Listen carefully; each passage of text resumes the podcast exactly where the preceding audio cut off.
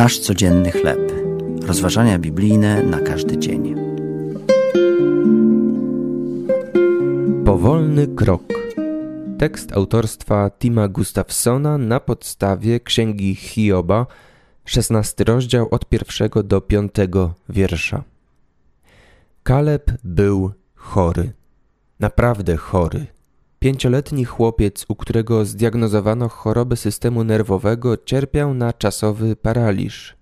Jego zaniepokojeni rodzice modlili się i czekali. W końcu zaczął powoli wracać do zdrowia.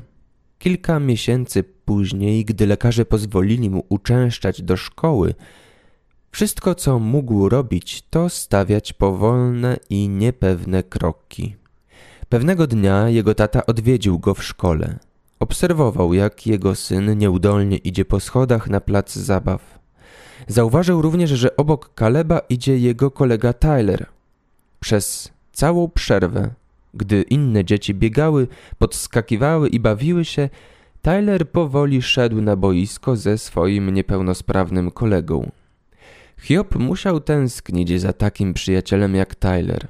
Miał bowiem trzech znajomych, którzy byli pewni, że wina jest po jego stronie.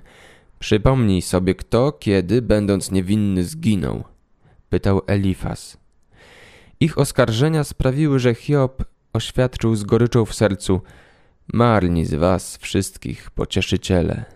Jezus był zupełnie inny. Nocą przed swoim ukrzyżowaniem poświęcił czas na pocieszanie swoich uczniów. Obiecał im Ducha Świętego, który miał pozostać z nimi na zawsze. Zapewnił ich: Nie zostawię was sierotami, przyjdę do was. Potem, tuż przed swoim odejściem do Ojca, powiedział: Oto ja jestem z wami po wszystkie dni, aż do skończenia świata. Ten, który za nas umarł, towarzyszy nam, gdy stawiamy bolesne kroki. To były rozważania biblijne na każdy dzień. Nasz codzienny chleb.